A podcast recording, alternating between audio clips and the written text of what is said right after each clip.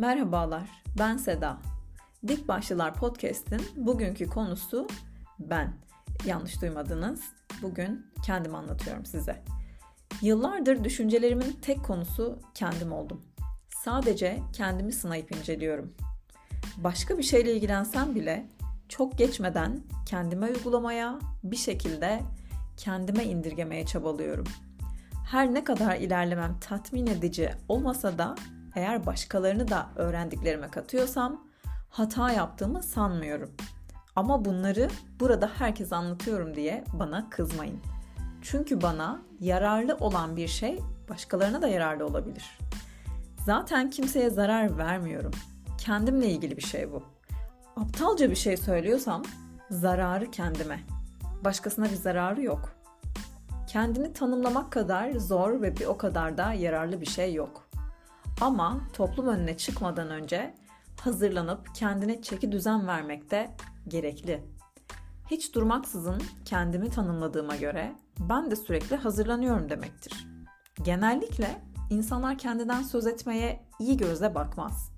Her zaman kendine dönük görünen övünmeler nefretle yasaklanır.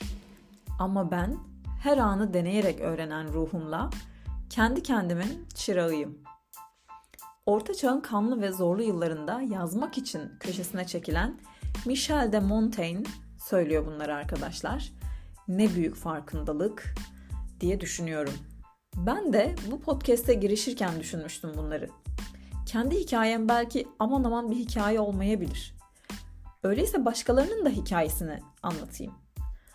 Ee, öyle içerikler olsun ki kendimi bulduğum hikayelerde başkaları da arasın bulsun kendini.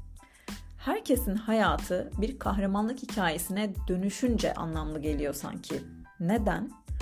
E, bunu epey düşündüm. Sanırım yankısı çok oluyor da ondan. Diğer yandan kendiyle savaşın galibi olduğunda belki bunu başkalarına anlatmaya ihtiyaç duymuyor insan ve sonra çok hızlı unutuyor.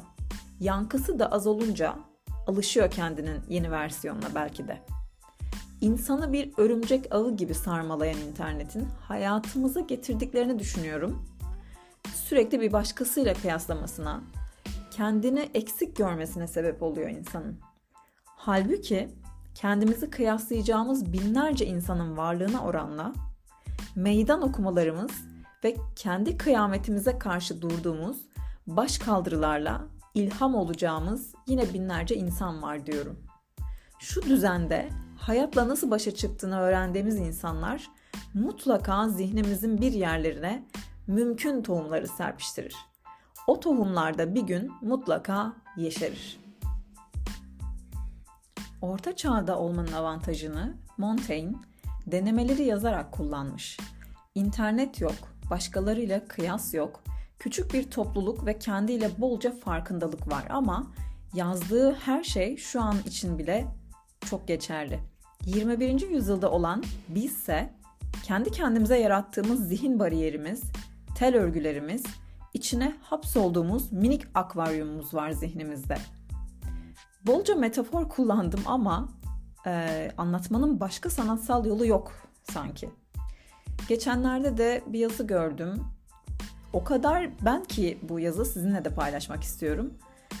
Kendi akvaryumundan çıkamamaktır ölüm ve kozmik okyanusa dalış yapmaktır gerçek yaşam. Wow dedim okuduğumda. Ben de yıllardır girişimcilik konulu yaptığım ilham konuşmalarında öğrencilere hep balık metaforundan bahsederim. Balık kafasını sudan çıkarmadıkça ne suyun içinde olduğunu anlar ne de dışarıda bir dünya olduğunu fark eder.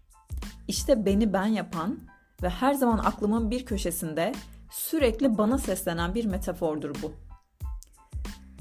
Nedense deneyimlerimi anlatmak için kendime çek düzen vermek ve sahneye yani bu podcast'e çıkmak 5 yılımı aldı. Deneyimlerimi anlatmam gerektiğine ikna edememiştim beni. Bir arkadaşım şöyle demişti. Seda sen kendi hayatının girişimcisisin. O yüzden anlatman lazım. Evet. Nasıl ki bir girişim toplumun yani insanın hayatını, yaşamını kolaylaştırmak için yaratılıyor. Ben de kendi hayatımı iyileştirmek ve başkalarına da faydalı olmak için yeniden yaratmıştım yolumu.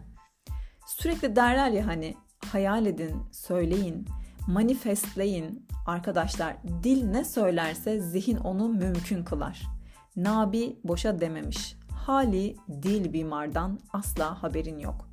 Çünkü kelimelerini değiştirdiğinde bilmeden medeniyetini de değiştirirsin. 2012'den 2018 yılına kadar kamu görevlisiydim. Yani bildiğiniz 657'ye tabi olarak bir bakanlıkta çalışıyordum. Sonrasında istifa ettim. Ne istifa ama. Çalıştığım departmanın duvarlarından yankılanıyordu.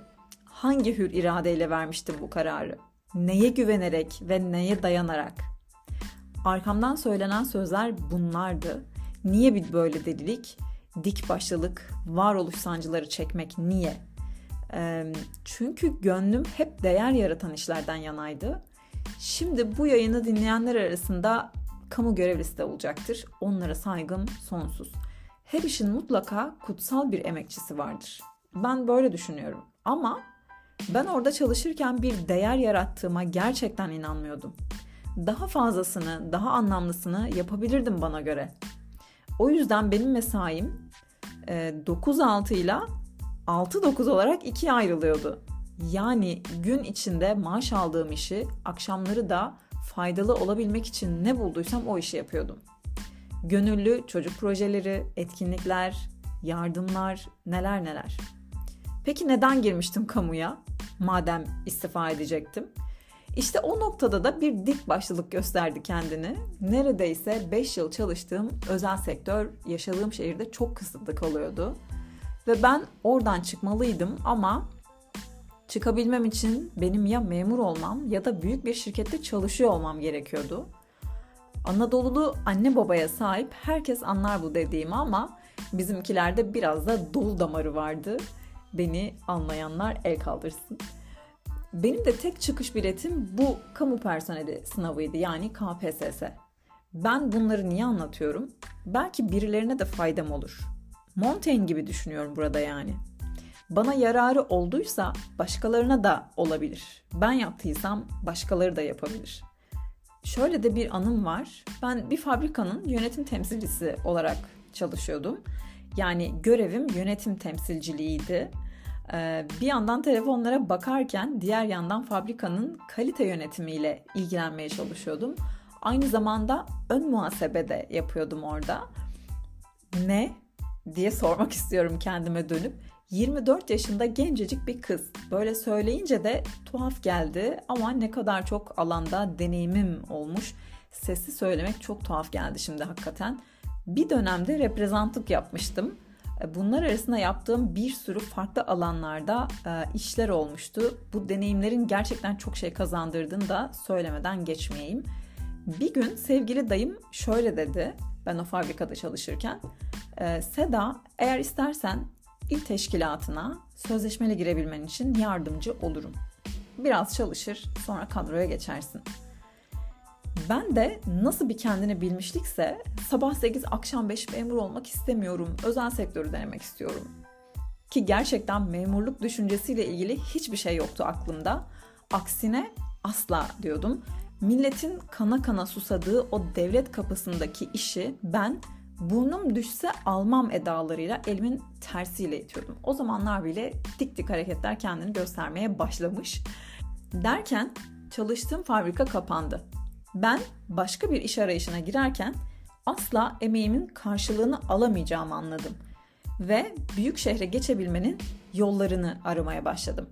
Ama tek yol vardı, o da KPSS.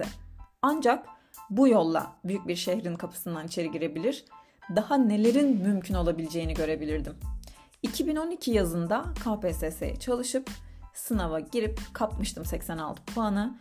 Ankara'da Kızılay'da o malum parkın arkasındaki bakanlıklar diyeyim siz beni anlayın. İşte o bakanlıklardan birinde isim vermeyeceğim. Teftiş kurulunda tam 6 yıl çalıştım. Ne zaman bahçesinden içeri girsem bakanlığın o taş anıtını görür bir gün oradan istifa edeceğim günü hayal ettim ama asla şaka değil bu. Başlarda güzeldi. Yeni bir dünya, yeni öğrenmeler, yeni insanlar. Bir iki yıl geçti. Ben alıştım Ankara'ya ve çalıştığım yere. Ankara'da bana alıştı ama burcumun özelliği olsa gerek stabil giden hiçbir şey beni tatmin etmiyor. Daha güncel, daha akışta olan şeyleri öğrenmem, üretmem gerekiyordu. Bu yüzden hayran olduğum o internet dünyasına daha derinden yüzmeye yöneldim. SEO kavramından tutun, startup, bootcamp, meetup, hackathon, ideaton kavramlarına kadar ilk defa duyup balıklama atlamadığım alan kalmamıştı. Gerçi bilgisayar programlama okuduğum için kavramakta da çok zorluk çekmiyordum. Aa burada bir şey varmış asla geri kalmamalıyım dediğim ve imkanları her defasında zorladığım her toplantıya, her etkinliğe katıldım. Bir sürü harika insanla birçok girişimi tanıdım. Abartmıyorum, yıllık izinlerimi bile bu aktivitelere katılmak için kullanıyordum. Hatta öğle aralarımı sırf bazı önemli toplantılara, eğitimlere katılabilmek için öğle arasını biraz uzatıp o şekilde dönüyordum e, çalışmaya. Bunlar için şehir dışına yani İstanbul'a, İzmir'e, Eskişehir'e gittiğim günleri hatırlıyorum. Haliyle benim sanal dünyada yarattığım network'e gerçek dünyadaki iletişimler de eklemleniyordu. Neden SEO'dan yani Search Engine Optimization'dan başladım olaya bilmiyorum ama Google'daki en iyi anahtar kelimelerini kullanan Kaan Gülten olacak ki arattığım trend kelimelerle karşıma hep SEO çıkıyordu. Yani SEO konusu, SEO çalışmaları. Bu kapılar bana Kaan Gülten'in sanırım 2015 yıllarındaki çalışmaları sayesinde açıldı. Umarım bir gün burada kendisini ağırlarım. Anlatacak çok şey var çünkü. Birbirinin aynısı geçen günlerimden sıkılmıştım. Bir çıkış yaratmam gerekiyordu. Belli ki o çalıştığım yerde olmayacaktı. Şefime, şube müdürüme, arkadaşlarıma muhabbet arasında ben istifa edeceğim bir gün derdim. Bana verdikleri tepki doğal olarak kızım manyak mısın deli deli konuşma. Senin olduğun yere gelmek için yıllardır çalışan insanlar var. E haklılardı. O zaman ben kalkayım gerçekten bunu isteyen gelip otursun fazladan yer kaplıyorum diye suratımda sırıtık bir ifadeyle cevap verildim. E, bunları söylüyorum ama kafamda herhangi bir çıkış yolu yoktu o zamanlar tabii. Ya özel sektöre geçecektim ya bir iş kurup geliri maaşa dengeleyecektim ki çıkış yolu yaratabileyim. Ee, bir çalışanın öyle hemencecik bir girişim kurması kolay olmuyordu elbette. Fikir çoktu, şartlar hep zordu. Özellikle kamudaki bir memurun farklı düşünmesi kabak gibi ortaya çıkıyordu. Her zaman kabul görmüyordu. Farklı bir şey yapıyorum diye yöneticilerimin gözüne çok batıyordum arkadaşlar anlatılmaz yaşanır yani hakikaten. Kadın olmak başka bir dert, farklı olmak bambaşka bir dert. Orada da bir şeyler üretme çabasında olmak ve bunun için çalışma arkadaşlarını ikna etmek bile başka dertler yaratıyordu.